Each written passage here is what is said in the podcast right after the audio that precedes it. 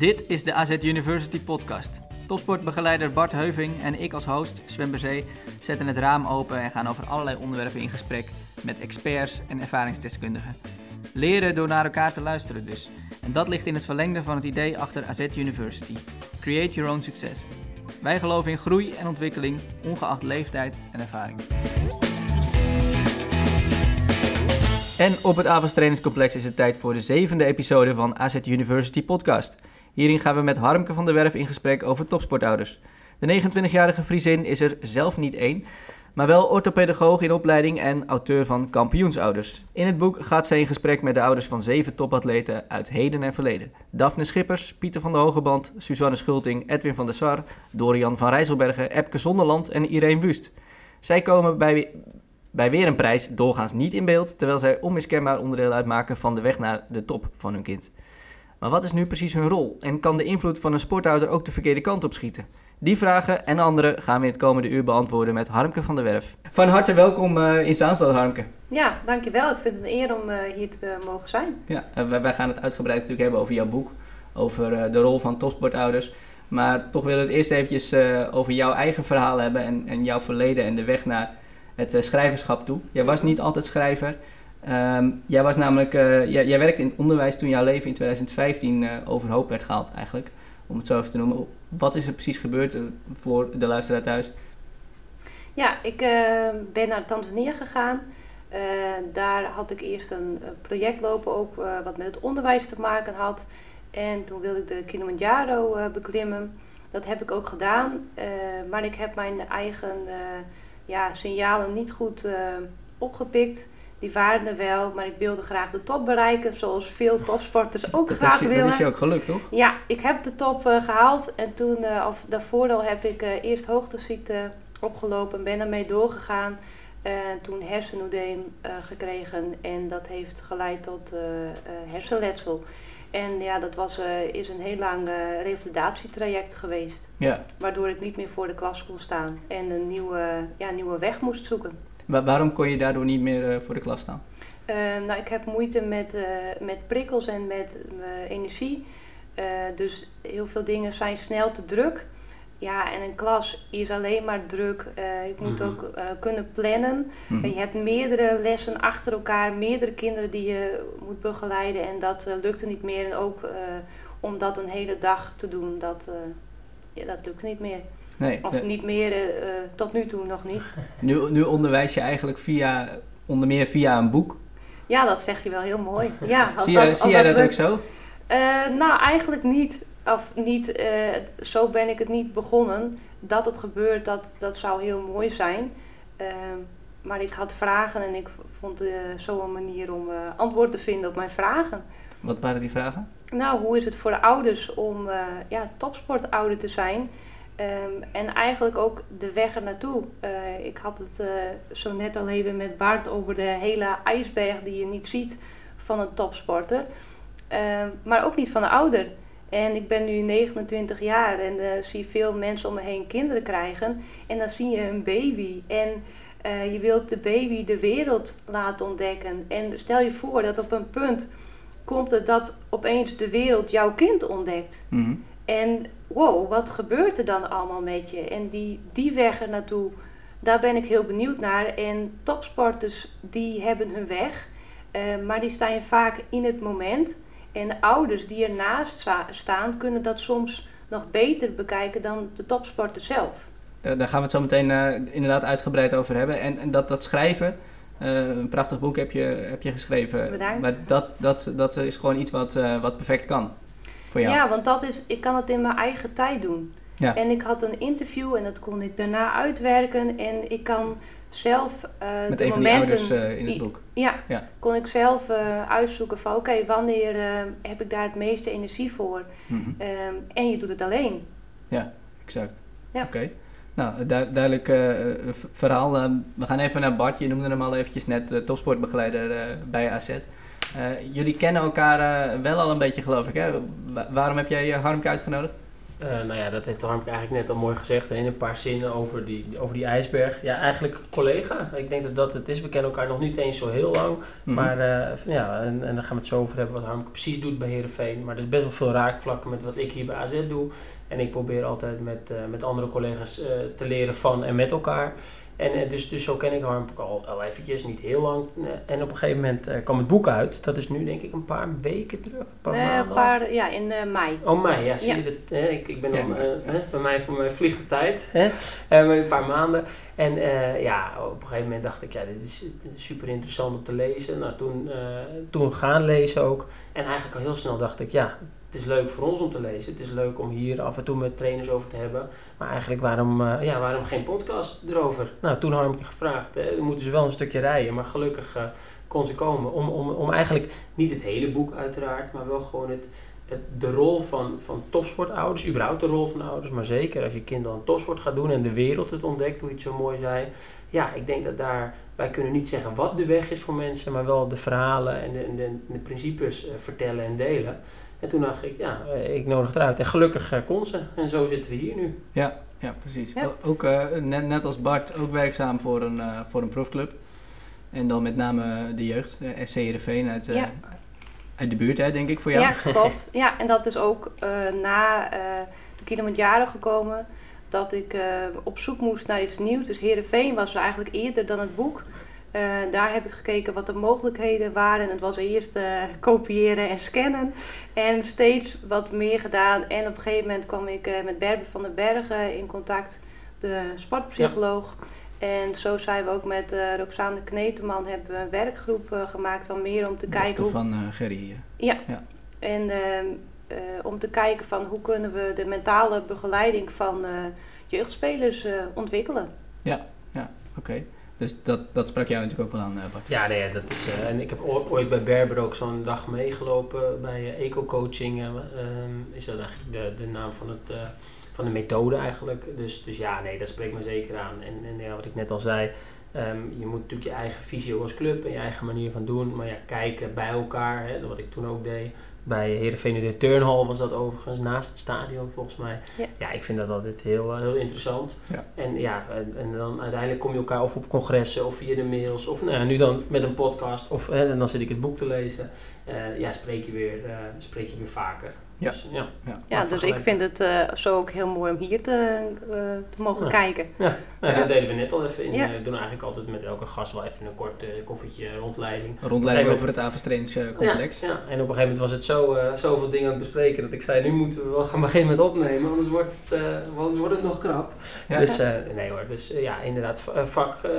Vakgenoten. Uh, vakgenoten, ja, Sven. Ja, ja, dus. precies. Ja, het is eigenlijk uh, bijvoorbeeld al een memorabele aflevering, dat is misschien wat flauw. Maar jij bent de eerste vrouw in, uh, in de University podcast. In de zevende keer, hè? Dus, precies, in zeven keer, ja, precies. We hadden er eigenlijk eerder eentje, maar die, die zeggen, ging niet door toen. Ik wou net zeggen, we hadden er eentje als excuus, maar je zegt al, die hadden we al gepland, alles stond. Dat ging toen niet door. Diegene komt nog wel. We gaan Gelukkig. diegene niet voor de...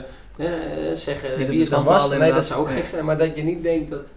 Maar scherp, scherp. Nee, precies. nee, absoluut. Pas, maar dat is toch misschien typisch voor de voetballerij, zou je dan zeggen? Want het wordt vaak als conservatieve mannenwereld afgeschilderd. Dus, dus mijn vraag aan jou is eigenlijk, hoe, hoe is het dan om daar te werken als vrouw?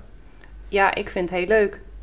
Ja, het, uh, ik denk dat de mix tussen mannen en vrouwen, dat dat uh, heel goed is. Uh, niet dat er, dat er zoveel verschillen zijn, maar ik denk dat uh, een vrouw toch wel bepaalde dingen mee kan brengen. In de voetballerij is het uh, ja, heel veel uh, natuurlijk winst en geld en alles moet snel. En ja, de zorg, nou ja, die moeten we niet vergeten. En misschien dat een vrouw daar scherper op kan zijn. Ja, dat zou een van de dingen kunnen zijn die, die bijvoorbeeld een vrouw zou kunnen toevoegen. Ja. Maar, maar, zou er dan niet meer moeten zijn? Want je zegt zelf, het is wel. Ja, ik denk, dat, goed, ik denk dat de balans goed is. Ik bedoel, we hebben nu bij de KNVB uh, nu een uh, vrouw aan het roer, wat hm. ik uh, heel mooi vind. Ehm, dus ik denk dat dat al een goed voorbeeld is. Ja, ja. oké. Okay. Nou, je, bent, je bent hier in de eerste plaats natuurlijk om te praten over topsportouders. Uh, daarvoor hebben wij jou in ieder geval uit, uh, uitgenodigd. We kunnen zoveel onderwerpen bespreken ja, hier, maar uh, ja, ja, exact. We wilden, wilden jou even introduceren. En goed, we gaan het nu over topsportouders hebben. Waarom verdienen zij meer aandacht? Je, je ligt er net al even een tipje van de sluier op. Ja, ik denk dat... ik, ik doe ook de opleiding orthopedagogiek. En het gaat heel erg over het systeem, dus ouders en kinderen en, en school, en, maar alles samen. En een, een kind is topsporter, maar er gebeurt zoveel meer. En ik heb hier het hele complex gezien en de uren die ze hier besteden. Maar bij orthopedagogiek leren we, ja, en die andere 23 uur. Hier trainen ze misschien uh, twee uur per dag, misschien meer. Maar ja, en die andere uren dan? Oh, je bedoelt uh, als je het beschouwt als een soort werkweek? Precies, al gewoon een, een dag. Ja. Je bent hier twee uur ben je op de club. Maar die andere uren, waar ben je dan? Mhm. Je probeert ze hier te beïnvloeden. Maar thuis, daar zijn ze veel meer op school. Ja. Dus dat hele systeem wil je graag meenemen. En ik ben benieuwd van, ja, wie is iemand? En in Friesland zeggen we dan, nou, van wie bist er? Dus van wie ben je er een? Wie zijn je ouders? Waar kom je vandaan? Ja, dat uh, heb ik proberen te onderzoeken. Om zo beter iemand te kunnen begrijpen. Ja, ja precies. Oké, en ja, ik ben blij inderdaad dat we niet het hele interview in het Fries hoeven te doen. Want, uh, jammer, jammer. Ja, want ik, ik heb je in een eerder interview, geloof ik, met Omroep Friesland... Uh, of Omroep Friesland moet ik dan zeggen. Ja, klopt. heb ik je wel in het Fries horen praten, maar... Kon je het een beetje verstaan? Een klein beetje inderdaad. Okay. Het was wel eventjes uh, even hel bij, helpen, moet ik zeggen. Bart, wat jij? Nou, uh, ja, wij hebben natuurlijk ook een Friese trainer hier. Hè, dus ik ben al een beetje geoefend. Ja, Jan nee, uh, ja, nee hoor, ik kan, ik kan, het zeker verstaan wel, maar, ik, maar niet alles. Dus ik ben toch ook blij, net als Sven. Het, in ieder geval, dat maakt het voor mij makkelijker om op de inhoud in te gaan. Ja, ja. oké, okay, laten we daarop doorgaan dan. je, je sprak de, de, de ouders van Daphne Schippers, Piet van de Hogeband, Suzanne Schulting, Edwin van der Sar, Dorian van Rijsselbergen, Epke Zonderland en Irene Wust. Uh, waarom deze zeven sporters? Uh, heeft dat een specifieke reden voor jou? Uh, ik heb van tevoren, voordat ik begon, wel een beetje een lijstje gemaakt. Mm -hmm. Van, oh, die vind ik interessant mm -hmm. en die en dat verhaal. en dat is gaandeweg zo gegroeid. Dus ik heb per keer heb ik ouders gevraagd of ze mee wilden doen. het zijn ook sporters um, die ik zelf heel interessant vind. Ja. ik ben drie jaar geleden begonnen, dus nu zijn sommige sporters ook alweer zoals Epke... Um, ja, die is nu al gestopt. Ja, die is net gestopt deze Precies, zomer, ja. Dus zo zijn er wel um, wat spelers die al wat ouder zijn. Maar ik, ik wilde wel ook spelers die uh, de top gehaald hebben en ook voor een langere tijd. Want na de tijd komt er ook iets. Je, ja, topsporter worden is één, topsporter blijven is twee. Uh, hoe ga je om met de media? Dus zo waren er meer vragen. Um, en wat er ook voor gezorgd heeft dat ik voor deze sporters gekozen heb. Ja. En uh, bijvoorbeeld uh, Edwin van der Sar, uh, natuurlijk een supergoeie keeper, maar dan ook nog een bestuurder worden.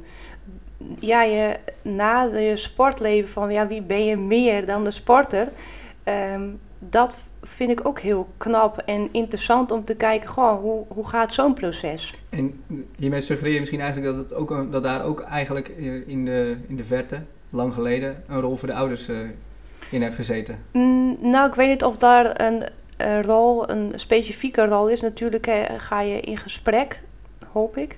Um, maar dat proces, dat proces vind ik interessant van die, niet alleen topsport, maar wie ben je daarnaast? Ja. En wie ben je daarna? Mhm. Dus je bent niet als topsport, je ziet net zoals we het hadden over die ijsberg, je ziet een stukje, je ziet de, ziet de medaille, je ziet een winnende goal. Ja, en daarvoor en daarna.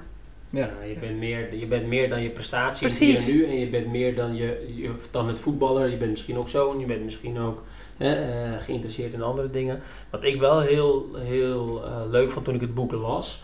En uiteindelijk, dat hoor ik ook een beetje in jouw vraag, Sven. Is, is wat ik, mij echt opviel bij eigenlijk bij alle ouders. En allemaal net wat anders. Maar wel dat ze allemaal zeiden ja, waar ben je het meest trots op richting je kind? En dat was heel vaak niet de prestatie. Nee, dat was eigenlijk de hele ontwikkeling naar de prestatie. En dat ze een beter mens waren geworden. En dan hoor je vaak mensen zeggen, ja, dat is cliché. Nou, in al die interviews lees je echt terug. Dus lees het ook vooral het boek.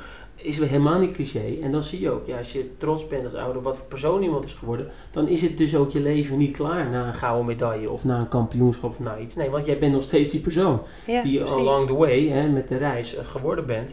En dat vond ik wel heel leuk om te zien of om te zien, om te lezen, dat inderdaad van mensen denken nog wel eens, ja, als je dan eenmaal hè, je kind het heeft gehaald, dan ben je blij om, Mhm. om die prestatie. Natuurlijk ben je blij om die prestatie, maar er is zoveel meer. En dat vind ik echt leuk om, ja, het zijn niet de minste topsporters, hè. Nee, het zijn echt, Om- echt ja, goede, dikke namen, ja, ja, Ja. precies. Precies. Dus ja, dat En eh, ik vind het ook mooi dat je dit benoemt, want je had in het begin stelde je me de vraag van of ik ook eh, via het boek dan les wilde geven. Ik heb wel lessen geschreven aan het einde, omdat dit toch wel bepaalde kenmerkende dingen waren vanuit de ouders. Ehm, en die ik eigenlijk toch wel mee wil geven aan ouders. Van een kind is meer dan zijn prestatie. En die hebben, nu hebben we het over topsport, maar dat is uh, in de hele maatschappij.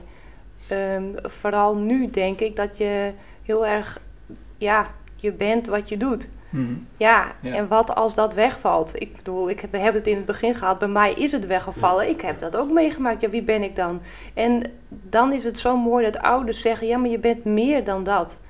En ik hoop dat dat meer gevoeld kan worden. Is, is het wat dat betreft ook jouw persoonlijke verhaal die invloed heeft gehad in jouw zoektocht hiernaar? Uh, omdat nou, je zelf besefte dat, dat iets helemaal weg kan vallen? Ik denk dat ik het wel inderdaad, uh, ik zei in het begin, nou ja, de Kilimanjaro nou liever niet, maar het heeft effect. Uh, je leven, wat, wat je mhm. meemaakt, heeft effect op, op je, de vragen die je stelt, op dingen die je misschien beter begrijpt. Dus als zij het hadden van ja, ik voelde me de topsporter, um, dan kon ik me dat voorstellen. Ja. Dat ze zeiden van ja, en toen ik een blessure had, heb ik het daar heel moeilijk mee gehad. Ja, dat heb ik ook uh, ervaren. Ja, maar uh, richt jij met je boek dan vooral op andere ouders van, van topsporters in spe? Of uh, ben je, probeer je vooral een soort awareness ook te creëren voor iedereen? Dat er meer is dan alleen maar die medaille of die overwinning? ja, ik, ik hoop dat het boek is voor iedereen die het leuk vindt. Dus ik heb niet van tevoren bedacht, oké, voor wie ga ik dit boek schrijven? Uh, ik had vragen en ik dacht, ja, als ik mensen ga vragen om te interviewen en het is ja, gewoon, dan weet ik niet of ze mee willen doen. Als ik zeg, ja, ik schrijf voor een boek, dan heb je een mhm. grotere kans dat ze meedoen. Dus op een gegeven moment dacht ik, ja, nu moet er ook een boek komen. Uh, een uitgever, uh, hoe ga ik dit doen? Ja. Dus ja, ik heb het boek vooral voor mezelf geschreven en ik hoop dat mensen er wat aan kunnen hebben. Ja, precies. Oké, okay. geldt dat voor jou ook? Eigenlijk ook, Mark? Want jij hebt zeggen, ook een boek, geschreven. Klinkt als muziek in de oren. Nee, um, niet, niet uh, andere weg en andere reis natuurlijk. Maar nee, uiteindelijk, uh, ik hou heel erg van lezen en uh, onderzoeken en andere boeken.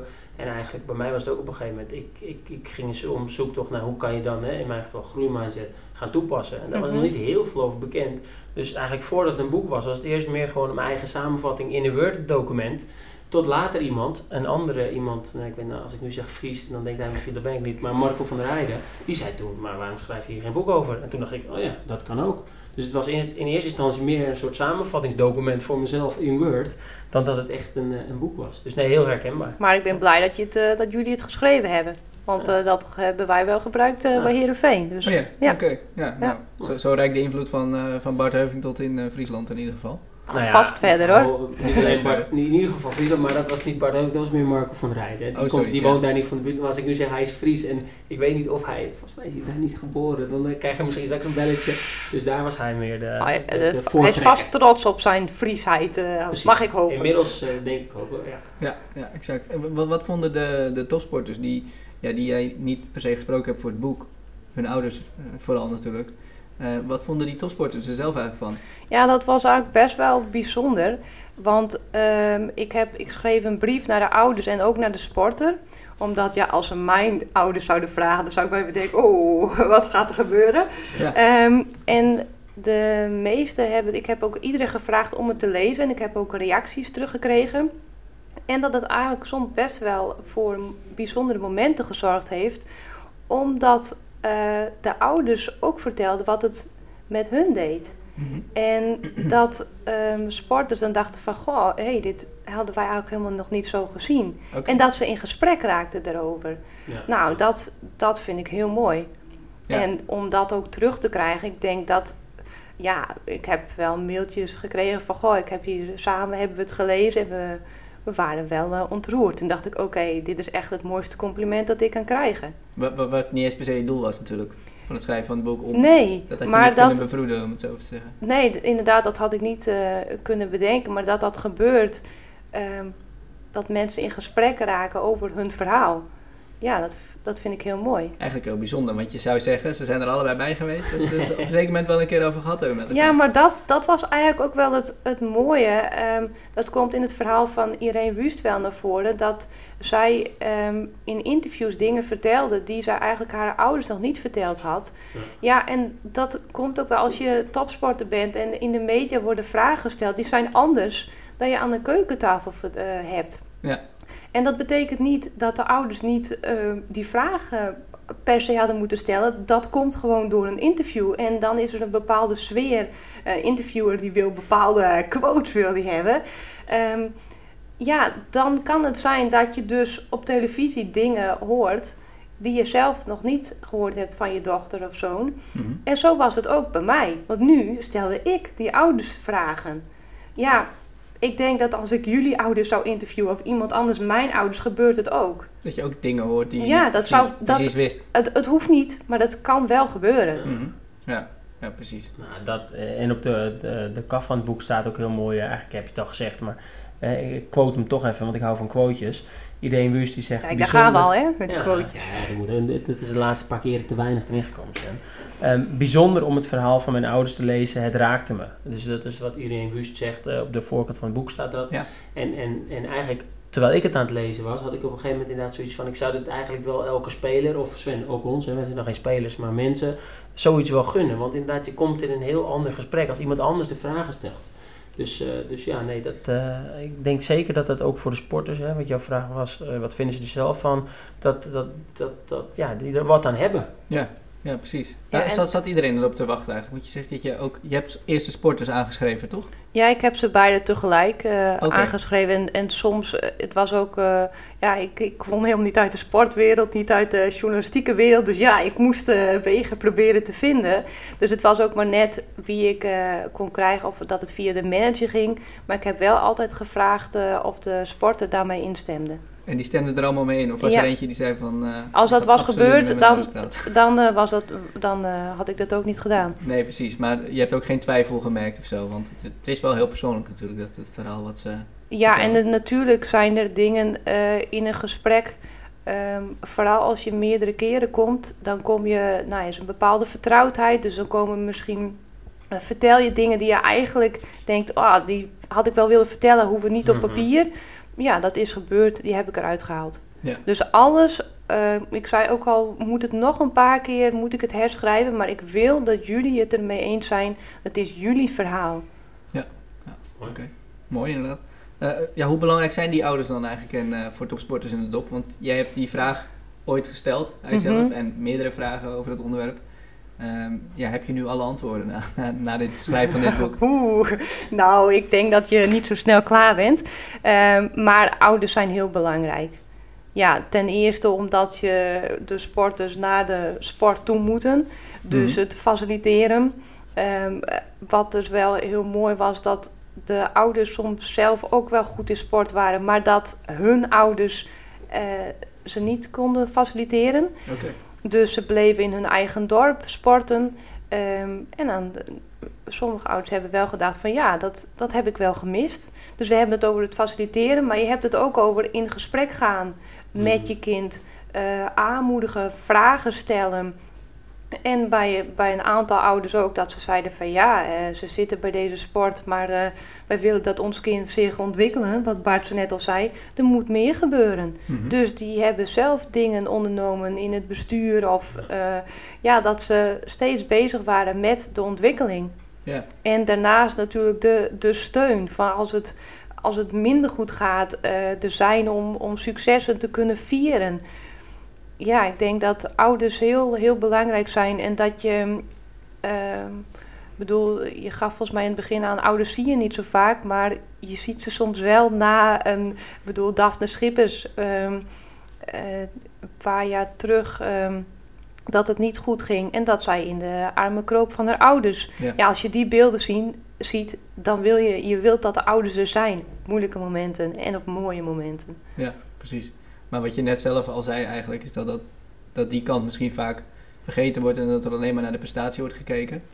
Dus dan zouden heel veel mensen bij wijze van spreken al weggezept zijn op het moment dat zij in de, uh, in de armen van de ouders uh, kruipt. Ja, ja, misschien wel. Maar ik, van uh, Daphne Schippers weet ik dat die foto wel... dat is een beroemde foto. Ja, precies, ja. absoluut. Ja. Die niet.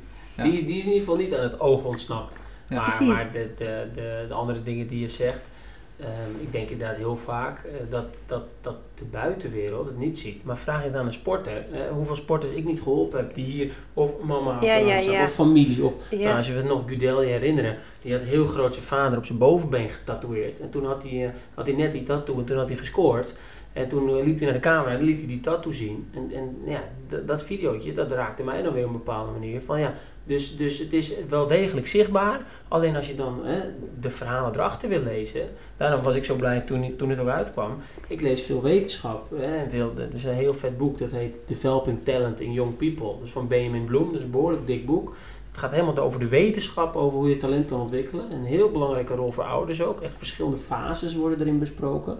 Ehm, in dat boek. Van, van in het begin met introduceren, dan wat meer ondersteunen, naar ook loslaten. Nou, dat vond ik ja, allemaal echt mooi om te lezen, dat loslaten. En, maar dat is echt wetenschappelijk, weet je wel. Dat zijn wel interviews, maar daar lees je niet de persoonlijke verhalen. En hierin lees je dan die persoonlijke verhalen. Ja, Ik denk dat er geen een van die zeven zegt, oh, dit was niet zo belangrijk. Nee, dat denk ik ook niet. Nee, nee, nee precies. En ik uh, heb bij Heerenveen ook onderzoek uh, gedaan naar de, nou ja, de rol van topsport bij jongeren. En daar kwam de rol van de ouders ook in naar voren. Want je bent maar zoveel... spelers van Heerenveen dus. Ja. ja, want je bent zoveel bezig met sporten dat je minder tijd hebt voor vrienden. En uh, ja, meer tijd voor je ouders en voor je familie. Dat het, dat het zo belangrijk is. Ja je wordt er misschien ook wel hechter door, door dat traject dat je, dat je bijna samen ingaat. Ja, dat denk ik wel. En ik denk dat, nou ja, wat Bart zo net ook zei, van dat als je spelers zou vragen, dat die dat inderdaad uh, beamen. Ja. Ja, en mooie voorbeelden uh, met de tatoeages. Ja, uh, nou, ja. je zegt dat, dat, dat, dat uh, raakte mij wel, dat van Gudelje, de Manja Gudelje, de tatoeage van zijn vader. Waarom raakt dat jou nou, dat, dat, raakt me om, ik maakte er natuurlijk net als ik wel vaak doe gebruik van. Um, ik, ik, geef ouderbijeenkomsten hier, twee per jaar per team. En, en, niet alleen ik, ook de andere topsportbegeleiders helpen daar uiteraard bij. Ehm, maar ja, ik begin vaak met zo'n videootje. En dan zeg ik, ja, zo, want, want wij weten nu, met z'n drie hebben we het over hoe belangrijk ouders zijn. Maar er zijn misschien ook ouders die denken, ja, ik, uh, die, die, hebben misschien het boek niet gelezen of andere studies niet. En die denken, ja, ik moet me er vooral niet te veel mee bemoeien. Hè, soms met een positieve intentie. Ja, en dan zo'n filmpje laten zien. En ik maakte toen ook het grapje, Gudel, je zou niet zo snel eh, Bart Heuving op zijn bovenbeen tatoeëren. Hè? Ja, dat is een heleboel anders. Dat, dat blijft jammer, maar uh, dat, niet. Het zou leuk zijn. Heel, mag zelfs kleiner daarnaast. Nee, maar om aan te geven van, kijk, dat een heleboel hè, deze sporters weten, maar zo zijn er ook, en dat weten, hè, en dat denk ik dat je dat ook uit de praktijk, ik ook natuurlijk wel heb gezien, ouders die denken, ja, dat mag niet, of kan dat wel, of hè. En, nee, dus, dus vandaar dat het me uh, ook zo'n videootje me raakt. Want dan zie je weer van ja, hey, het, is, die, wij, en dan heb ik het even over in onze rol als wat meer dan in ons geval ja, topsportbegeleider of orthopedagoog of, of trainer. Ja, wil nog wel eens dat je dat ja, uh, nou, een beetje along the way misschien wel eens vergeet. Ja, ja, oké. En in het boek staan natuurlijk zeven, zeven mooie voorbeelden. Uh, maar kan jij een voorbeeld noemen van ouders die echt een duidelijk goede invloed hebben gehad op hun kind? Ja, ik, uh, ik, denk dat er wel meerdere zijn. Wat ik vooral heel belangrijk vond, ook het uh, plezier. Uh, ja. Tim Koning is hier natuurlijk geweest met, ja. met zijn boek over plezier. Ja. Um, en dat kwam daarin ook naar voren, hoe belangrijk dat is. Dat um, nou ja, zowel Epke Zonderland als Pieter van der Hogeband op een gegeven moment zeiden van ja, ik, ik, ik wil niet meer. Mm. En dat de ouders zeiden van nou, oké, okay, prima. Van als jij niet meer wilt, dan uh, gaan we even kijken hoe het is dat je er even niet naartoe gaat. En dan, of we gaan minder keren. Dus Epke die ging, uh, heeft een half jaar heeft hij minder getraind. En na een half jaar uh, ja, zag hij zijn broers en zijn zus wel gaan. Toen dacht ik, ja, maar eigenlijk vind ik turnen veel leuker. Ging weer kriebelen bij hem. Precies. Ja. En dat zijn wel momenten... Um, daar heb ik het ook met jeugdspelers over gehad. Die zeiden van, nou, nou, nou ja, zou dat wel kunnen? Want als ik nu een half jaar niet ga trainen, ja, en mijn teamgenoten gaan wel verder. Maar ik denk dat het gaat om in gesprek gaan. Mhm.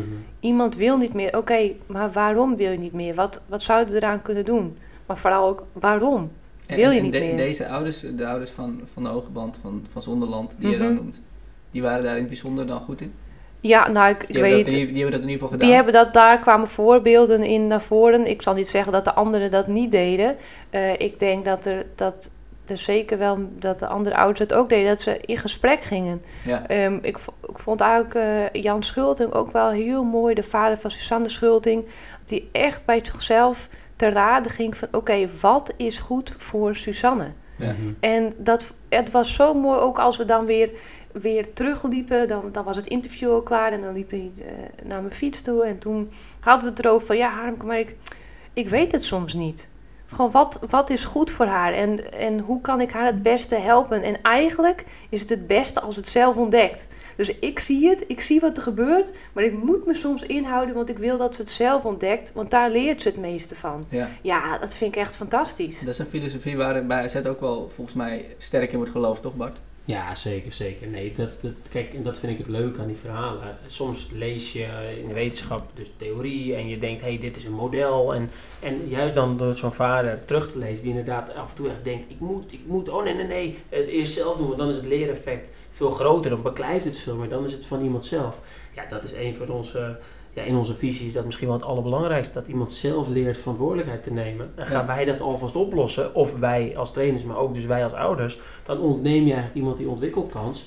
En, en, en zie je dat wel eens gebeuren dan, Bart? Dat, dat bijvoorbeeld ouders juist te veel willen geven aan een kind en dan misschien juist die ontwikkeling in de Ja, nou ja dat, dat, zeg maar, dat, dat te beschermend, hè, dat is ook in de, in, de, in, de, in de media een paar keer nu, eh, wordt die term dan wel eens curlingouders of helikopterouders besproken. Ja. En ja, dat, dat, dat, dat zien wij natuurlijk ook. Maar juist vaak met de meest positieve intentie. Hè. Het is niet dat ik iemand, een ouder denkt, zo, ik ga met zijn eigen kind even flink lekker in de weg zitten op de lange termijn.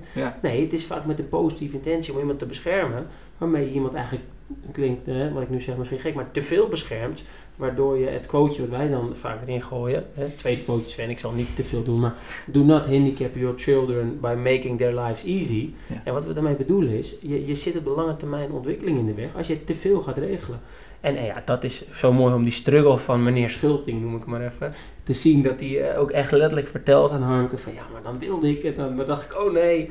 En ja, dat werkt Kijk, wetenschap is goed, want dat is niet één verhaal, maar dat zijn een heleboel mhm. verhalen bij elkaar. En dan komen principes uit. Maar juist dat koppelen met een boek als dit en met die verhalen, waarin je echt leest wat dat persoonlijk voor iemand was, ja, dat, dat vind ik. Uh, dan komt er eigenlijk ook zelfreflectie van de ouder. Nou ja, dat, dat is eigenlijk wel bijzonder. Je verwacht misschien dat het vooral om zelfreflectie van de topsporter gaat, of inwording. Mm maar in dit geval bijvoorbeeld Jan Schulting, die, die inderdaad ook bij zichzelf te raden gaat, doe ik dit wel allemaal goed. Ja, precies. Dat, vereist bijna ook een soort uh, topsport. Uh. Ja, nou ja, ik, ik heb nog geen kinderen, maar ik denk dat als ouder ben je steeds bezig met, doe ik het wel goed? Dus dat dat wel steeds, uh, Bart, jij bent ouder, klopt dat? Ja, ja. Ik weet het, jij niet, hè? Nee. Nee. Maar klopt dat? Ja, nee, dat klopt, dat klopt zeker. En ik moet ook zeggen, uh, niet dat ik drie jaar geleden voor de podcast had gestart jou niet had gevraagd, maar doordat ik nu zelf ouder ben, ja, interesseerden die dingen me ook uh, nog weer wat meer. Juist omdat je nu merkt, ja, vroeger kon ik het misschien wel tijdens een oude werk ons goed vertellen, maar nu sta je er toch even anders, omdat je ook bepaalde dingen zelf ervaren hebt. Ja. Dus dat quoteje, do not handicap your children. Ja, als ik nu met mijn dochtertje ergens loop en zij denkt, nou, ik ga eens even hier lekker op het randje en ja, het maakt niet uit als ik in het water val, staat uh, Bart Heven ook gewoon uh, het armpje vasthouden. Dat is maar, slecht, Bart. Nou ja, gek hè. ik, ik heb tenminste nog het principe. Nee, om aan te geven. Ja, dat is, dus, nee, dat herken ik zeker. Dus ik moet wel zeggen, ik vind het wel lastig om, of lastig, ik ben me wel bewust van, ja, ik ben mhm. geen ouder. Uh, maar je bent dus, misschien wel van plan om ouder te worden. Dus dat hoop ik wel. Dit, dat dit boek is de perfecte voorbereiding. Ja, precies. Ja, zeker. ja, ja. precies. En, en curling-ouders werd er al eventjes ingegooid. Mm -hmm. ja, waar moet ik nou precies aan denken? Ik denk dan aan, natuurlijk aan de sportcurling. Mooi, ja. Wat, wat, waar komt dat woord precies uh, vandaan? Uh? Nou, dat ze het volgens mij wegvegen. De problemen vegen ze weg. Oh ja, voor de, ja. Volgens mij was het bij de luizenmoeder ook zo'n leuk ja, quoteje. Nou, volgens mij was het van als je uh, kinderen wilt laten groeien, moet je niet bovenop gaan zitten. Dus die hebben we dan bij Heerenveen wel van ja, laat ze los. Je bedoelt, dat, dat soort ouders heb je? Nee, die quote hebben gebruikt. Oké, okay, ja, ja. ja, ja, precies. Maar die ouders, die, die, die zul je wel overal tegenkomen, toch? Zeker in een jeugdopleiding met 200 kinderen, bij wijze van spreken. Die, die ouders, je curlingouders zeg maar, die, die lopen overal rond.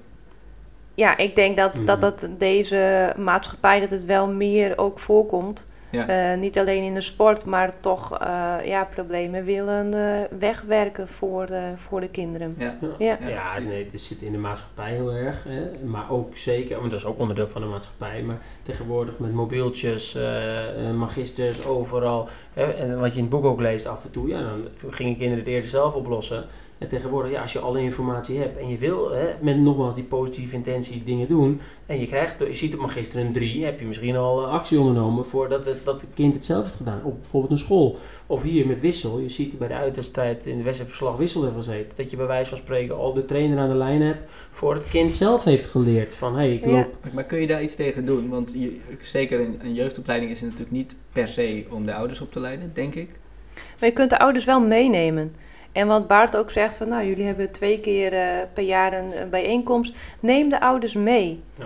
En uh, ja, vertel ook waar je mee bezig bent en waarom. Zodat ouders het begrijpen. Want Bart zei het zo net ook al van het is geen onwil. Je wilt het beste voor je kind. Mm -hmm. Maar soms is wat je denkt dat het beste is, is dat het niet. Ja, en een ja. ouder, ja, wat je wou nog wat zeggen? Nee, ja, dat, dat is eigenlijk uh, precies waar ik aan moet denken. En ook, kijk, als je daar preventief uh, mee aan de gang gaat, kan je, als het, als het goed is, problemen voorkomen. Niet alle problemen voorkomen, maar je hebt in ieder geval het in een, nou, laten we even zeggen, neutrale setting, misschien zelfs een leuke setting als je een ouderbijeenkomst doet. En kan je het over deze dingen al hebben. Van hoe, hoe, hoe, ik snap het als je als ouder dat wil doen, maar dit is het vanuit de club of vanuit de trainer of vanuit en als je het daar vooraf al over hebt, in zo'n bijeenkomst met voorbeelden, um, kan je misschien problemen voorkomen. En, en, en niet eens per se dat het zich dus nooit meer voordoet, alleen je hebt een bepaalde ja, cultuur al gecreëerd in een leuke setting. En wat ik vaak ook hoor en zie, en dat gaat zeker niet alleen over voetbal, maar misschien ook wel meer over onderwijs, is dat ouders pas op school komen als er problemen zijn. Hè? Dat er pas, en dan denk ik, ja, hoe zonde is dat? Want Harmke zei het al mooi, de systeemtheorie ik heb dan geen orthopedagogie gedaan, maar psychologie. Maar daar ging het ook zeker daar vaak over. Ja, wat kan jij in het systeem? En je zei mooi Sven, daar moest ik aan denken. Nee, natuurlijk, we zijn hier om spelers op te leiden. Maar als ouders zo'n belangrijk onderdeel zijn van het leven van spelers, zijn we hier dus eigenlijk wel een klein beetje ook om ouders, dus niet op te leiden. Maar Harmke zei het mooi, om ouders daarin mee te nemen. En, en als je dat niet doet, zit je eigenlijk jezelf in de weg. met je doel als opleiding. Ja, ja. kan, kan een, een, talent, kan hij ooit een topsporter worden als hij uh, de slechte invloed van zijn ouders heeft? Of gaat dat te ver om dan zulke conclusies te trekken? Ja, ik denk dat er ook voorbeelden zijn waar dat, uh, waar dat anders is. Ja. En, uh, dus, waar, waar, de invloed van de ouders niet per se goed is, maar precies. die tot de top heeft gehad. Ja, ja, en ja. het kan soms ook zo zijn dat het, dat het dus helemaal niet goed was, dat het echt slecht was. En dat iemand denkt van ja, ik wil me hier uitwerken. Ja. En dan is sport is de manier. Dus um, dat, ja, het gaat niet altijd op uh, van dat een ouder zo nodig is. En, maar ja, dat, je, dat is overal zo, denk ik, dat er ook... Er is niet één waarheid. Precies. Nee. Nou ja, ik, één waarheid. Ik denk dat er altijd uh, uh, nou ja, soort dissidenten zijn die, waar het anders loopt. Ja. Of, of de uitzondering die De uitzondering, ja, precies. Ja. Nou, de uitzondering. En, en wat ik ook leuk vind, ik zit de hele tijd tijdens het gesprek ook naar de kaft van het boek te kijken. En dan doen we allemaal dingen weer terugdenken aan uh, toen ik de losse verhalen las. Want ik heb ze allemaal los gelezen. Is uiteindelijk, wat er ook zo mooi is, kijk, je hebt misschien niet één manier die per se fout is, waardoor je het nooit kan halen. Maar ook andersom, er zijn meerdere wegen naar Rome. Alle ouders hebben het wel net even op hun manier gedaan. Je zei Pieter van de Hogeband, die vader en die moeder gingen half zelf een eigen zwemclub starten. Precies, waar ja. dan natuurlijk nog de vraag was, waar ik benieuwd naar ben, maar dan mag Kees Vervoorn antwoorden als hij ook luistert wie nou beter was, de PSV-club of die van Kees. Hè? Maar goed, nee, dus dat zag je een rol. En je zag uh, meneer Schulting die juist af en toe dacht, ik moet niet te veel. Dus er zijn ook, uh, om een succesvolle topsporter te creëren, meerdere wegen naar Rome. Terwijl wetenschap, waar ik eh, echt wel mijn hart op ligt, maar wetenschap zoekt juist naar wat werkt gemiddeld het best. En dan komen ze met één vaak advies. Ja, hè? Dat is en, wel en, één waarheid. ja, daar is vaak één waarheid. Maar uiteindelijk als je daarin duikt in de statistiek is er helemaal geen één waarheid, maar dat is dan gemiddeld iets beter. Wat niet wil zeggen dat dat voor iedereen altijd zo is.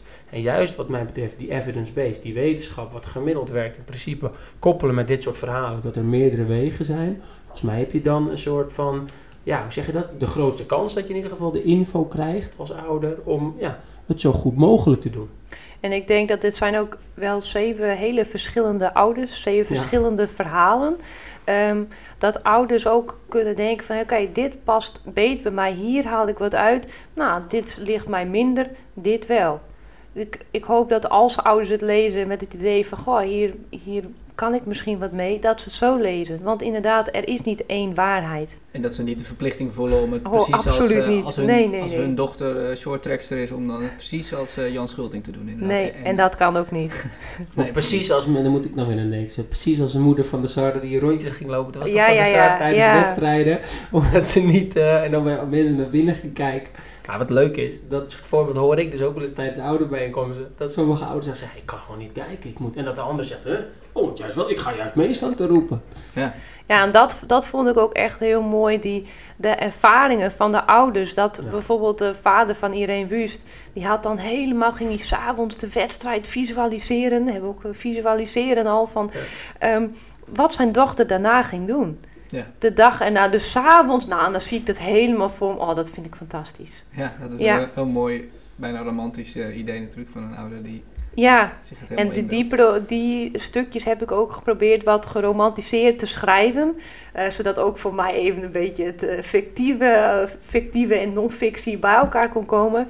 Ja, dat uh, ja, vond ik heel mooi. Ja, ja precies. En we, we, hebben het eigenlijk al een beetje over gehad, met, met, zeker met Epke en, en Pietertje, om even naar de jongen van de hoge band te verwijzen. Mooi. En niet naar de reclame. Um, maar, die reclame, die had dus... Want nu was het dus... dat veel mensen wel weten over welke reclame ja, het zonder het merk te noemen. Maar, uh, ja, precies. Maar daar ging het dus over dat hij niet kon voetballen. Maar Pieter van Hogeband heeft ook echt boven op de, bij het zwembad gestaan. Dat hij zei, ja, maar ik wil dit niet. Ja. Dus het had net zo goed, die reclame had ook net zo goed bij het zwemmen kunnen staan. Maar omdat zijn ouders gedacht hebben van... Oké, als jij niet wilt en jij staat er een beetje te huilen... Uh, op de rand van het zwembad, gaan we het niet doen. Plezier. Plezier, ja. ja. Ga liever plezier hebben. Dat, dat, zou, dat zou toch op zijn minst de insteek van iedere ouder moeten zijn, ja, denk ik. Hè? Zeker, ja.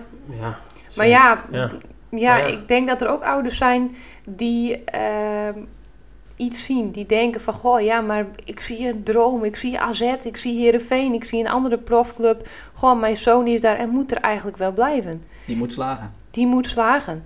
Ja, en ook, kijk, en dat, die, die, dat zijpaadje zeker, over het moeten, te veel pushen.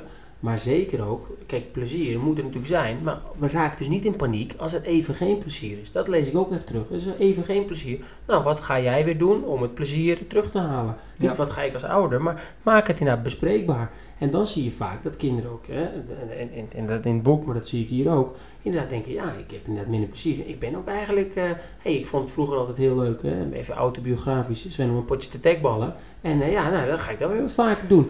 Nee, maar dat plezier, en dat zat ook echt in die podcast met Timothy Koning, niet uh, per se altijd hier zit, maar dat het dus ook kan fluctueren. Maar dat je er ook invloed op hebt. Hè? Dan, dan bedoel ik even op die bronnen, die verschillende bronnen van plezier. Ja ja, luister daarvoor inderdaad vooral naar de, de podcast met, uh, Tim Koning. Ja, ik denk voor ouders dat dat ook een, een belangrijke podcast is ook om te gaan luisteren. Ja. Van inderdaad plezier en, en daarin gesprek over gaan. Van wat, wat kun je daar zelf aan doen? Ja. er is nog eentje voor ouders nog belangrijker, Harmke, en, en dat is deze.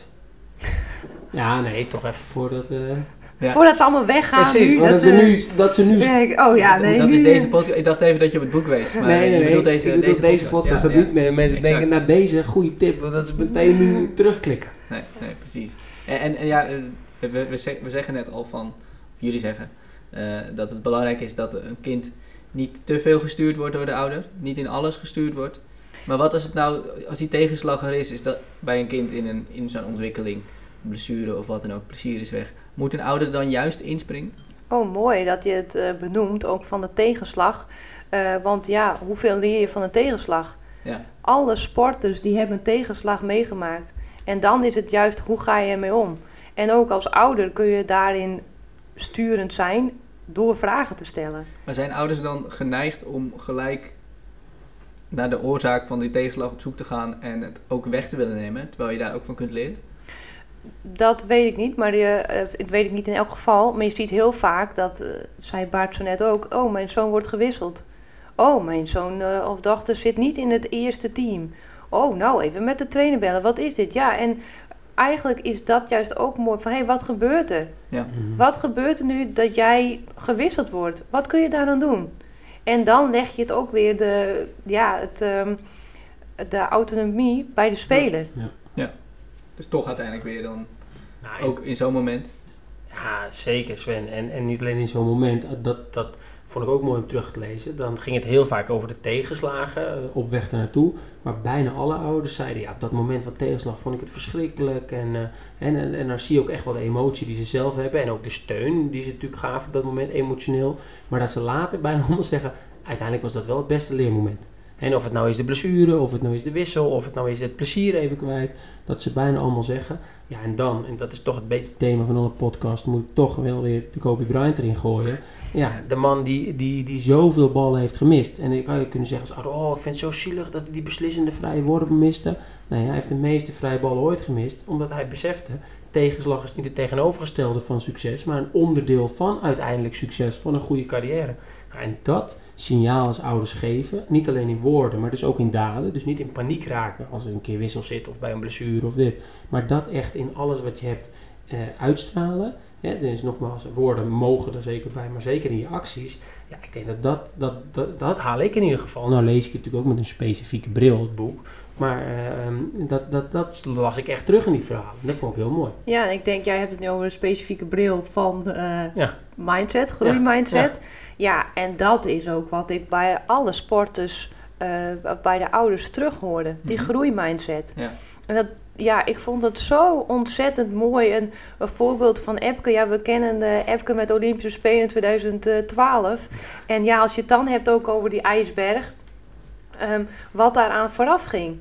Dat hij bij het EK, of hij, ja, we hebben die, um, uh, de oefening gezien, maar die moet hij oefenen. En bij het EK wilde hij dat oefenen en daar ging het mis. Dus hij viel. Ja, en ik vind dat echt zo ontzettend mooi dat je iets aan het oefenen bent wat nog nooit iemand gedaan heeft. Het mislukt. Dat je dan na de tijd meteen aan het denken bent van oké, okay, wat kon er beter? Ja. En dat heeft hij ontdekt. Het moest meer magnesium op. Heeft hij gedaan.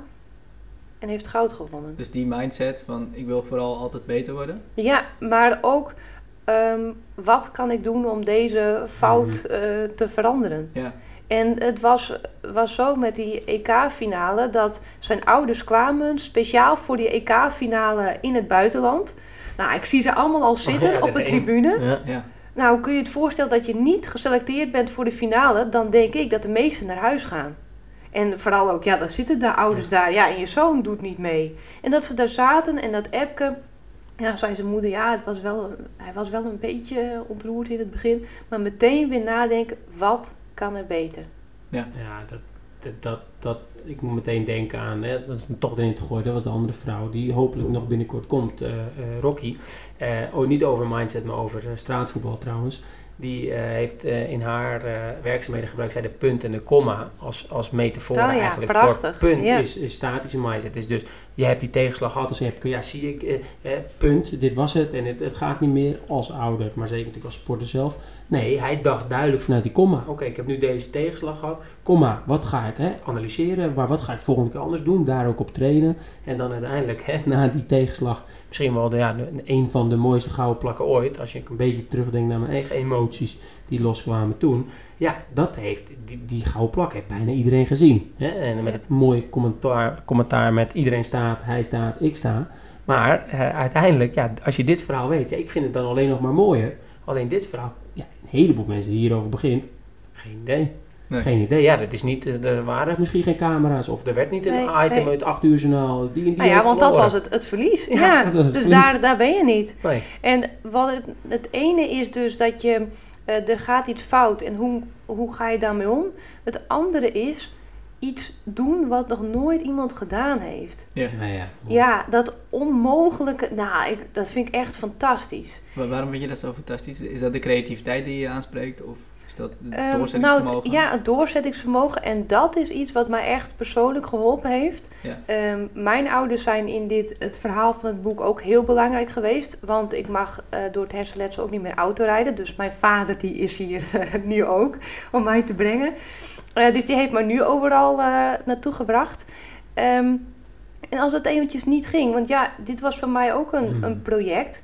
Ja, sommige mensen wilden niet meewerken. Ik dacht, dat ik dacht, hoe moet ik dit nou doen? En als het moeilijk was, zei mijn vader, oké, nu is het moeilijk en nu moet je doorzetten. Ik heb van de ouders van Epke heb ik een uh, heel mooi boek gekregen met allemaal uh, foto's van, uh, van zijn Olympische finale 2012. En die heb ik tegenover mijn laptop gezet. En elke keer als ik daar naar keek, dan dacht ik: oké, dit is voor mij echt iets van iets is onmogelijk, is moeilijk. En hij heeft het ook gedaan. Dus dat is mijn voorbeeld van ik ga ook door. Ja, en dan denk je in de eerste plaats aan dat EK. Dat... Ja, maar eigenlijk denk ik meer aan ehm, die vluchtelementen achter elkaar. Ja. Mhm. Iets wat onmogelijk was. Ja. En datzelfde vind ik ook wel met Daphne Schippers. Ehm, ja, dat zij, um, ja, dat zij goud won, wereldkampioen werd. Ja, dat, dat vind ik ook echt fantastisch. Om, we, ja, we hebben dezelfde leeftijd. Ze is een paar maanden jonger. Ja. En toen ik jong was, zag ik... Uh, ja, vooral mensen uit Jamaica of Amerika mhm. winnen. Ja, ja. en dat ik dan iemand zag, eh, een blonde dame. Dat voelt misschien ook onmogelijk dan. Ja. Ja. ja. En ik denk dat bij topsport is het toch wel iets uh, onmogelijks presteren. Het maximale uit jezelf halen. Ja, ja. Dat, dat, dat raak je dan wel als zoiets gebeurt. En, ja. Ja, ja ook. En dat is dus ook inspiratie geweest. Ja, zeker. En ik, ik hoop dat dat ook voor anderen inspiratie kan zijn. Dus dat topsporters uh, hun topsportacties um, en het maximale uit zichzelf willen halen, het ontwikkelen, dat dat inspiratie kan zijn. Ja. Bart, ja, dat is, ja. Uh, ja, dat, dat is Sven, het, uh, jij kent mij inmiddels wat langer natuurlijk. Dit klinkt mij als muziek in de oren. En dat is ook eigenlijk een van de redenen waarom ik sport zo mooi vind. Sport om het doen zelf, maar ook sport als metafoor. Want sport is echt wel een soort snelkookpan waarin je dit soort dingen, de mooie dingen, maar ook de moeilijke dingen, omgaan met emoties, omgaan met verlies, ja, dat, dat ervaar je veel eerder in de sport. Ik weet nog, hè, toen ik wat, wat jonger was, ja, met sport, ja, dat, dan, dan komen die dingen naar boven. Maar daar kan je dus heel veel van leren. Echt, echt de kracht van sport. Maar voor ik emotioneel word, en dat, dat, moeten we niet hebben. Nee, ik moest, terwijl je net Daphne Schippers aanhaalt, we hadden één quoteje ook uit je boek. Die wilde ik voorlezen uit het boek, maar dan gaat we ritselen. Dat is het geluid niet goed. Dus we hebben hem hier staan, Sven. En ik lees hem even voor, want die past perfect bij, eigenlijk en bij groeimindset, maar ook bij wat je net over haar zegt. Ja. Dus een, een, een quoteje uit het boek dat Daphne niet altijd nummer 1 werd, uh, kon komen doordat ze een andere groeicurve had dan de meeste tegenstanders. Ze was niet alleen de jongste, maar meestal ook een van de kleinste tijdens een wedstrijd. Maar haar wil om te winnen werd daardoor extra aangewakkerd. Volgens Ernst Schippers was het een belangrijke factor dat ze niet altijd won.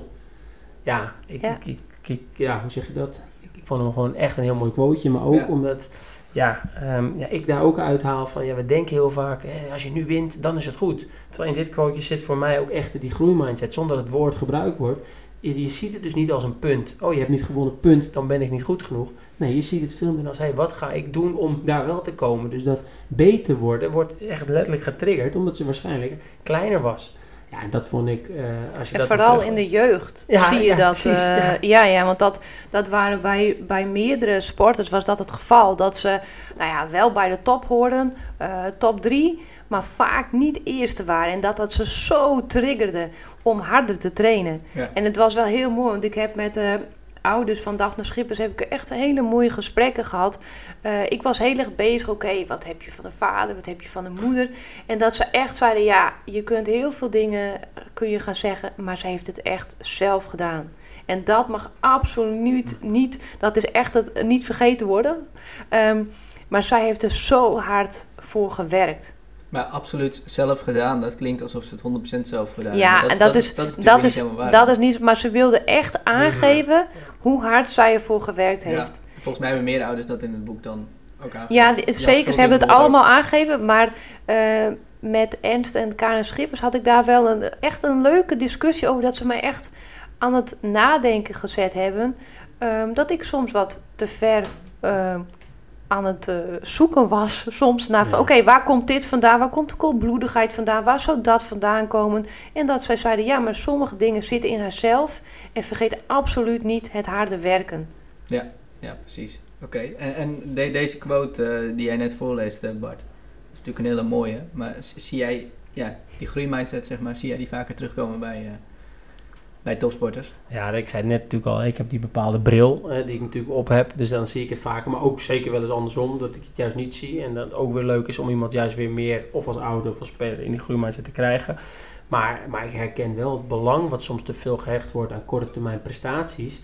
Natuurlijk, iedereen wil winnen. Dat is ook zeker een onderdeel van de sport. Maar uiteindelijk is het willen winnen op de lange termijn. Dus door je optimaal ontwikkelen, moeten we niet bang zijn voor die tegenslagen. Ja, en dan nogmaals, helpt natuurlijk om wetenschap erbij te halen. Hè. Dus ik kan het vanuit Keldweg uitleggen met, met allemaal uh, studies die, die zeggen dat groeimindset helpt voor prestaties. Maar zo'n quoteje waar echt ja, gewoon mensen de beelden weten van haar winst. En dan zo'n quoteje dat mensen opeens denken, huh? oh ja, maar dit, is dus niet dat je altijd wint. Nee, er zit een hele ijsberg van ontwikkeling onder. Ja, dat, dat, dat, dat zie ik zeker. Maar ik zie dus ook dat dan dit soort verhalen, uh, in dit geval het coachje, maar ook het hele boek, helpen daar heel erg bij. En, en, kijk, wij gebruiken natuurlijk zelf heel vaak, dan moest ik ook, terwijl ik dit aan het las, aan Kelvin Steens denken, die natuurlijk ook kleiner was, daar dan een jaar eigenlijk over moest doen, wat op dat moment ook verschrikkelijk was. In, in de jeugdbijzet heeft hij een lichting Twee keer gedaan. Denk, maar ook omdat hij wat kleiner was, eigenlijk het wat hier staat. Hè. En, en, en, dat was op dat moment ook niet leuk. Daar moet je ook emotioneel mee dealen. Maar, maar ik weet natuurlijk, doordat ik ook de ouders ken, wat, welke rol de ouders daarin gespeeld hebben. Maar dat komt niet snel in de krant. Dat komt niet snel in de krant. Ja, AZ onder 16 speler doet het jaar dubbel over. Ouders hebben een enorme steun. Nee, en als hij uiteindelijk nu bij Nice speelt, dan komt er misschien iemand die wel eens iets naar de ouder vraagt, maar ook heel vaak niet. Plus, ik word wel eens geïnterviewd, Sven. Ja, het is, het is, niet zo vaak. Maar als ik geïnterviewd word, zeg ik ook heel vaak iets over de ouders. Bijvoorbeeld, dan werd ik over een speler geïnterviewd. Hè, hoe ik hem in de jeugd kende, want die zat dan bij de eerste. En ik had wat dingen verteld en een stukje over de ouders. Maar wat wordt er vaak uitgeknipt door de journalisten? Want die vinden dat dan niet interessant. Dat stukje over de ouders. Dus wat net uh, Harmke zegt over de familie Schippers. Ik zeg heel vaak iets over de ouders. Dan lees ik het interview terug is dat eruit geknipt. Dus ik bel op, ik zeg uh, dat stukje over de ouders. Ja, dat vonden we, maar dat weten de mensen wel. En dat, terwijl ik dan denk, ja, wacht even, dat weten ze wel. Hoe weet jij dat? Maar ook, dat ze het weten wil toch niet zeggen dat je het dan niet nog een keer mag zeggen. En, en dat, dat vind ik, um, ja, hoe zeg je dat? Dus, dus ja, uh, je, ziet het vaak terug, maar je hoort niet vaak die verhalen erachter. Nee, nee. en dat is wat jij natuurlijk ook mist, uh, Harmke. Ja, dat klopt. Ik moet wel zeggen dat ik vind dat er, dat er wel steeds meer aandacht aan besteed wordt aan de ouders. Uh, ook deze zomer natuurlijk, omdat de ouders niet naar Tokio konden, waren ze in Nederland. Dus ja. waren ze meer in praatprogramma's. Um, dus ik, ik hoop dat dat voor uh, ouders wel uh, helpend kan zijn. Ja, ja, precies. Als een soort voorbeeld van. Ja, zijn ook belangrijk. en ik, ik denk dat, dat ouders soms wel voorbeelden missen in de sport. Van ja, hoe, hoe gaat mhm. dat eigenlijk? Dat heb ik in elk geval wel teruggehoord van trainers bij Heerenveen. Toen zeiden ja, ze missen voorbeeldverhalen. En dan kunnen deze verhalen daar uh, misschien bij helpen. Ja, ja oké. voordat we verder praten, gaan we toch even naar, een, uh, ja, naar onze vaste uh, boekenrubriek. dus dan is het nu tijd voor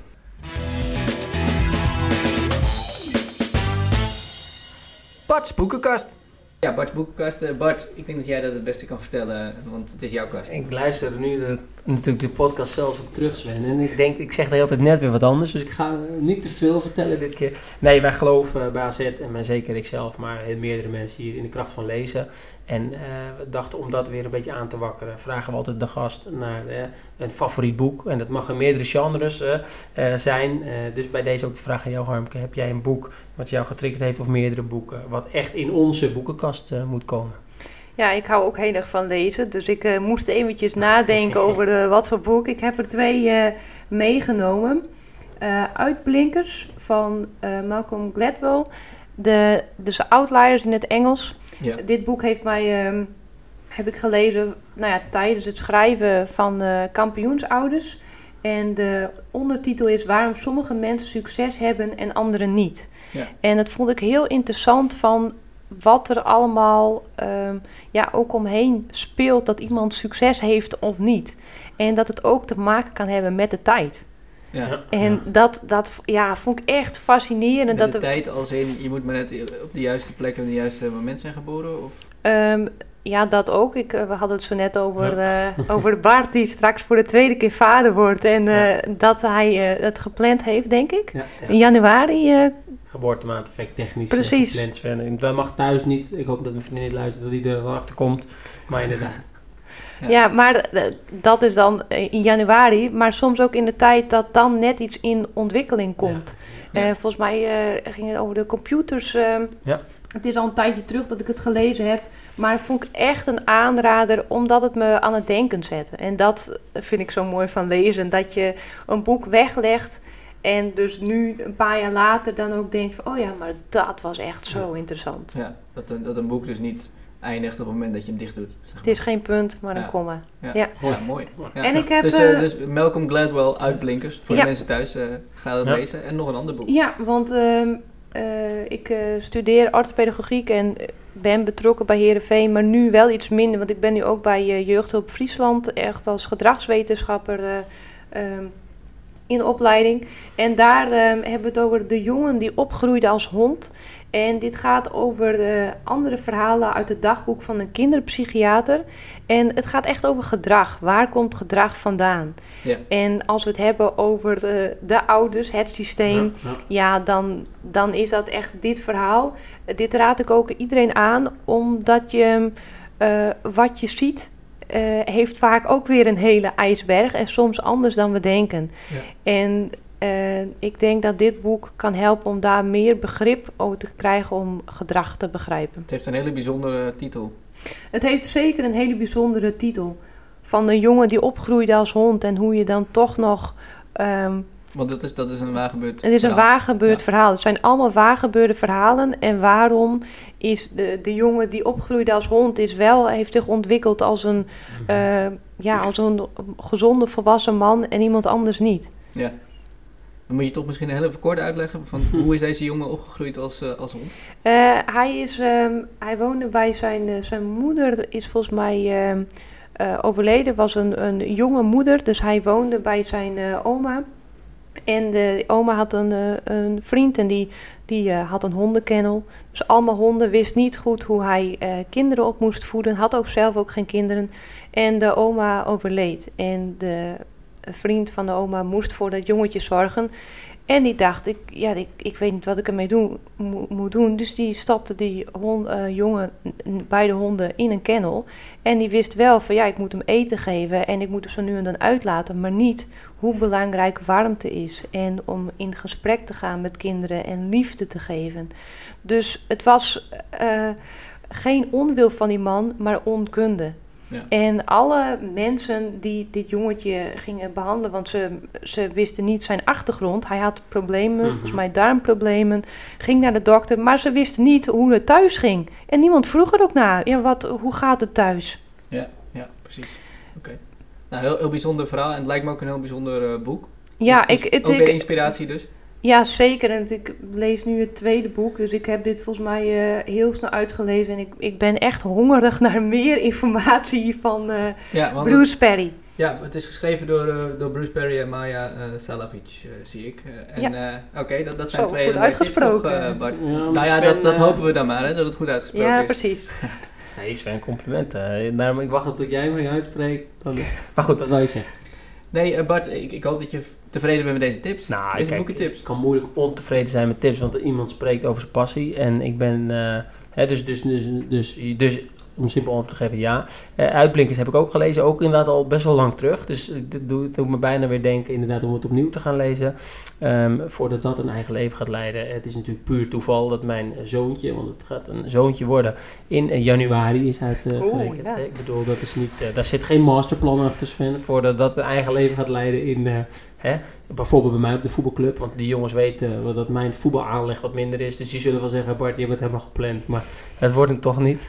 Um, nee, in het andere boek ken ik niet. Ik heb wel ooit een keer de titel uh, gehoord. Dus, die, dus daar ben ik wel heel blij mee, los van de tip. Want die kan ik dan uh, bestellen onder het mom van, ja, dat moet nu. Want ja, hij moet in de boekenkast.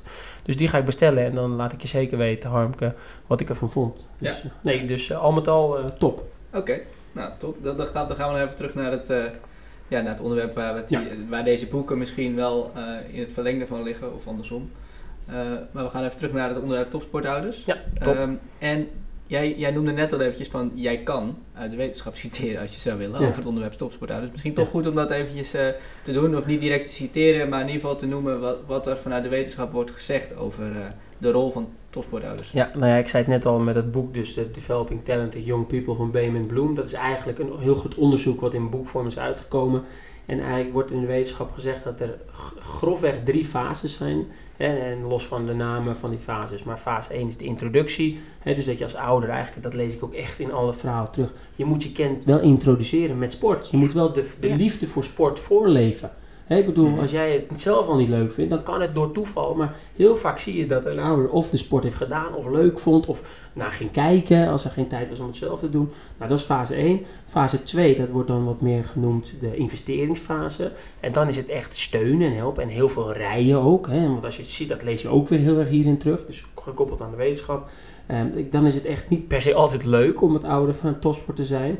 En mijn, uh, mijn oom en tante, die hebben een topsportkind. En toevallig laatst met mijn oom en tante weer gezeten. Nou, die beamen dat ook met het reizen, het doen. Het is echt niet altijd een, een pretje. Het faciliteren is niet het leukste gedeelte. Nee, precies. En dat is zowel in het, in het tijd, maar zeker ook in het omgaan met de emoties. En, en als er iemand verloren heeft in het... Uh, hè. Dus dat is fase 2. En dan fase 3, het loslaten. Dat er een, een, een, een begeleider bij komt, een nieuwe trainer, en, en je ergens anders gaat wonen. En in wetenschap kunnen ze die drie fases goed uit elkaar halen. En ook echt zeggen, in die drie fases eh, is dus ook voor een ouder um, ander gedrag eigenlijk uh, helpend. en los dan hoe je dat precies moet doen, daar hebben we, zijn alle verhalen ook weer anders. Maar die drie fases, daar rekening mee houden. En ook in de tussen ook leren van de eigen dingen die je meemaakt. En dat met elkaar bespreken. Dat komt echt in de wetenschap, in ieder geval dus van een Benjamin Bloem, terug. En andere interessante wetenschappen voor de mensen die hier meer over willen lezen is Jacques van Rossum. Die heeft in Nederland weer heel veel onderzoek gedaan over ouderparticipatie. Ik sprak hem toevallig laatst nog over, over iemand anders, over John Wooden, een hele vette coach. Misschien moeten we, moeten we Jacques van Rossum een keer uitnodigen om het over John Wooden te komen hebben, want daar kan hij ook fantastisch over praten.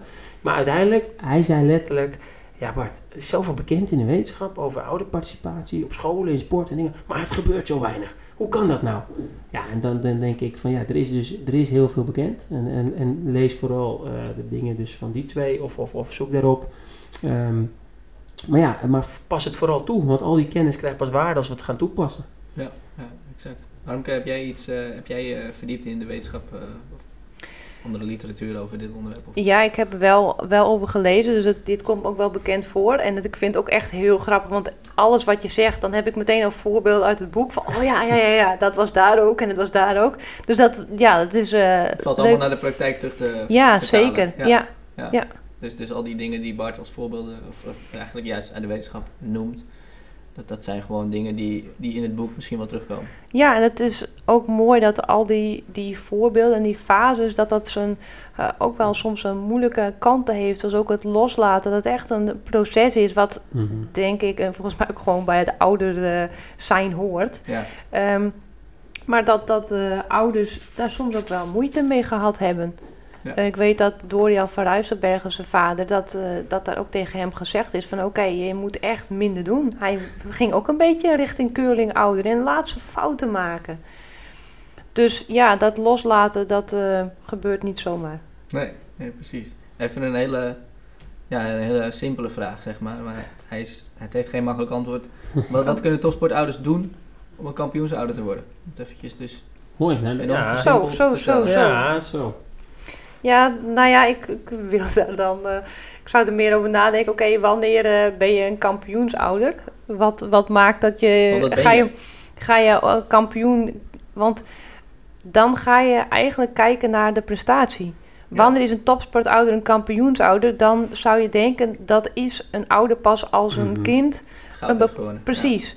En denk ik, is dat altijd het kampioenschap. Misschien is iemand, want dat zeiden alle ouders, ja. als mijn kind maar gelukkig is.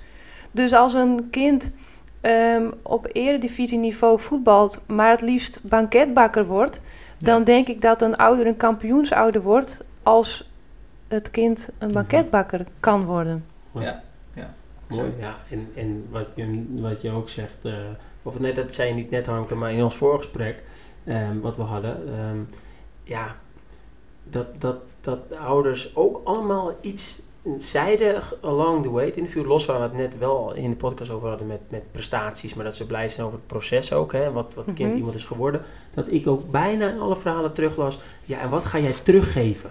Hè, zeker in het verhaal van Pieter van de Hogeband ook. En wat ga je teruggeven aan, aan, aan, aan de maatschappij? Of wat ga je doen met je bekendheid als je het ja, ja, ja. Dat ze allemaal ook dat wel echt benoemden. Zo van, en dan heb je iets gehaald, dan ben je kampioen. Maar uh, je hebt het niet alleen gedaan, je hebt ook steun. Wat ga jij nu weer doorgeven? Dat vond ik ook echt... Uh... Ja, want je hebt het nu over het voorbeeld van Pieter van de Hogeband. Maar dat, dat nou ja, ik krijg nu bijna weer kippenvel. Maar wat zijn vader... Het, ik heb best aan al heel veel gesprekken was het toch wel een moment van ontroering.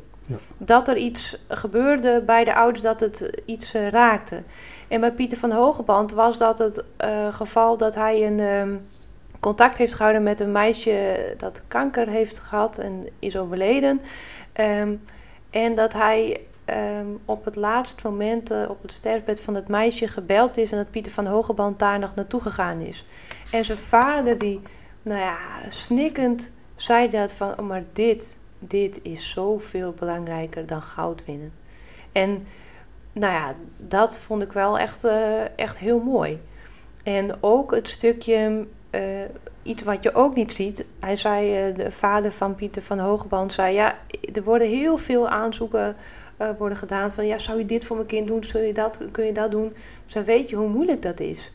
Ja. Weet je hoe moeilijk dat is om een ziek kind um, ja, daar bij het sterfbed te zijn? En dat zei hij dus ook soms dus... Um, verzoeken heeft afgewezen. En dat je dan nu inderdaad begrijpt van ja, hoe moeilijk is dat? Ja. Stel je voor dat je dat, dat moet doen. En Pieter van de Hogeband die zei van ja, maar ik ga mijn sport relativeren.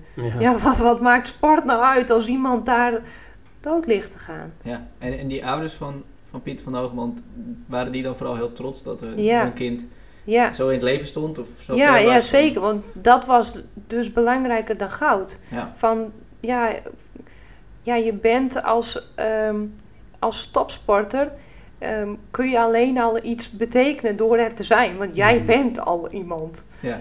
ja, dat heeft zijn nadelen, maar het kan dus ook zijn voordelen hebben dat je zo iemand kunt helpen. Is dat binnen AZ ook een onderdeel, Bart? Dat, dat, dat naar meer wordt gekeken dan alleen ja, ook zo, ja. de voetbal- en topsportkant? Maar dat, ja, dat, is mooi dat je dat aspect vooral noemt. Meer zijn dan... Meer dan, ja, ja, meer dan topsporter. Natuurlijk, natuurlijk je bent voetballer. Nou ja, daar hadden we het zeker in het voorgesprek over. Natuurlijk, je bent voetballer. Dat is één van je identiteiten. Misschien wel de identiteit die je het allerleukst vindt. Maar je bent meer dan een voetballer. En ga daar ook vooral achter komen. Ga daar dingen mee doen. Um, dus ja, Sven, daar besteden we heel veel aandacht aan. Um, maar niet, dat, daar vind ik het ook mooi, hè, um, waar wij het nu over hebben, dat zou iedereen meer moeten doen. Dus ook de ouders. En als meest simpele antwoord, Sven, op jouw vraag van hoe word je kampioenouders die aan Harmke stelt, ja, dan gooi ik toch even, laat ik even mijn commerciële hart spreken. En dat is, lees het boek Kampioensouders. En Harmke heeft al heel mooi gezegd, het is niet per se kampioen, alleen kampioen in eerste. Het is ook kampioen in, en ja, even heel clichéachtig, kampioen in het leven. Maar dat, het, dat er meer is. En daarom vind ik het mooi ook het, het Pieter van Hoogmans voorbeeld en met zijn vader.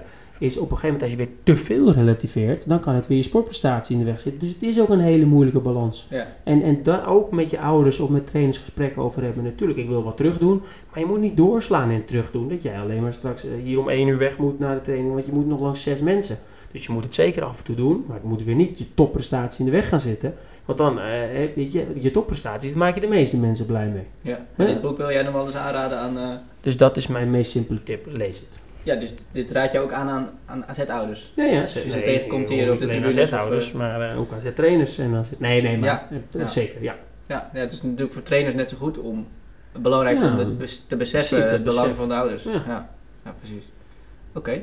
Okay. Um, ja, wij, wij, wij, sluiten altijd uh, dit gesprek af met uh, in ieder geval nog een praktische tip van, uh, van onze gast. Um, dus ja, heb jij er één in petto? Dat, dat kan direct te maken hebben met, we hebben het natuurlijk al uitgebreid over topsportouders gehad. En ja, wat maakt een goede en wat, wat is minder uh, succesvol? Ik denk dat het belangrijkste is om in gesprek te gaan. Dus ga in gesprek met je kind en probeer je kind te begrijpen. Dus hoe, ja, hoe kan het zich het, het maximale ontwikkelen, het meeste uit zichzelf halen waar hij plezier in heeft? En geldt dat uh, geldt dat stiekem niet voor alles wat een kind doet, bij wijze van spreken. Dus niet alleen binnen topsport. Ja, ook, zeker. Uh, ja, maar ik denk dat dat gesprek, dat dat... Um, daar heb ik dan ook met anderen over gehad, over dit boek van... Um, alle ouders gingen met hun kinderen in gesprek. En dat dat zo belangrijk is. En dan maakt het niet uit welke keuze je maakt, of daar, daar komt iets uit hopelijk. Want ik dacht mhm. tijdens het zeggen, dacht ik, oké, ja, maar je moet natuurlijk wel, oh, hoe ga je in gesprek en zo. Maar door vragen te stellen en probeer je kind te begrijpen. Ja, oké. Hele mooie, denk ik, hè, Bart? Nou, en, en, en fantastische zelfs. En ook meteen mooi, eh, want, want Harmke vroeg ons, hoe komen jullie nou op al die onderwerpen? Dit antwoord denk ik, we moeten ook iemand uitnodigen over uh, Socratische vraagstelling oh, of over de kunst van het vraagstellen. Nou, Elke Wis, nou meteen weer een vrouw. Mooi, ja. Nee, nou, dat was het derde boek hoor, dat ik eigenlijk wel... Ja, de Socrates op sneakers. Ja, zeker. Ja, ja. een boek van Elke Wis uh, meegenomen. Nou, ja, ja, zeker. Dan is dit mooi, maar dan zal ik Elke Wis even... Ik heb het uitgeleend, dus ik kon hem niet meenemen, maar ja, dus... Ja. Zo, zo, wordt er binnen dus een podcast misschien wel een nieuwe podcast geboren. Ja, ja. Dat, het, is een mooi, het lijkt mij, Sven, een, mooi einde. Zeker, absoluut. Van de podcast dan, hè? Ja, ik wil jou nog één ding vragen. Want wat dat betreft, we hebben het nu over een podcast die uit de podcast voortkomt. Ja, maar we hebben het over jouw boek. Eh, bestaat de kans dat jij nog een tweede boek maakt eh, met, met, andere, met ouders van andere topsporters? Dat weet ik niet. Want jij hebt op zich natuurlijk jij hebt dit boek geschreven vanuit het idee van ik heb vragen. Ja, en ik, ik vond het, het, voor mij was dit een proces. En ehm, ik vind schrijven heel leuk. Maar ik, voor mij moet het plezier voorop staan. En ik ehm, vond dit heel interessant, maar ook best wel, eh, wel pittig. Ja. En op een gegeven moment dacht ik ook van, dan ehm, ga je een beetje, nou, vragenlijsten af of zo. Maar het, Mhm. het moet echt vanuit mij komen dat ik denk, oké, ik wil iemand interviewen. En dan weet ik niet of ik daar nog een boek over wil schrijven. Ja. Misschien wil ik ook wel iemand interviewen voor een artikel of gewoon omdat ik het eh, nieuwsgierig ben. Die nieuwsgierigheid moet natuurlijk ook gewoon leidend zijn, denk ik. Precies. Ja. ja. dan, want we hadden hem niet gezegd en we willen naar het einde, maar dan gooi ik hem toch in. Eh, maar dan niet vanuit Astrid van de Hogeband naar Pieter, maar dan nu naar Harmke. Mensen denken vaak dat bij Pieter alles vanzelf gaat. En dan even refererend aan het boek. Mensen denken nog wel eens, ja, de Harmke stond op en schreef even het boek. Ja. Maar Nou. dat is inderdaad even, er zit wat meer achter. Er, Ja, ja, er is een boek, dat is het enige wat de mensen natuurlijk eh, Ja, precies. in de winkel Maar hier was het ook, de weg aan naartoe is mooier dan, dan het proces. En nu denk ik, ja, ik vond eigenlijk het proces was heel mooi en nu is het klaar. Ja, ik, ik ben hier wat heel mooi is, maar het proces is mooier. Ja. Nou, een hele mooie afsluiter denk ik eh, van, eh, van deze podcast. Hartelijk dank eh, Harm, van der Werf voor jouw komst naar, naar Zaanstad, naar het Avens Trainingscomplex.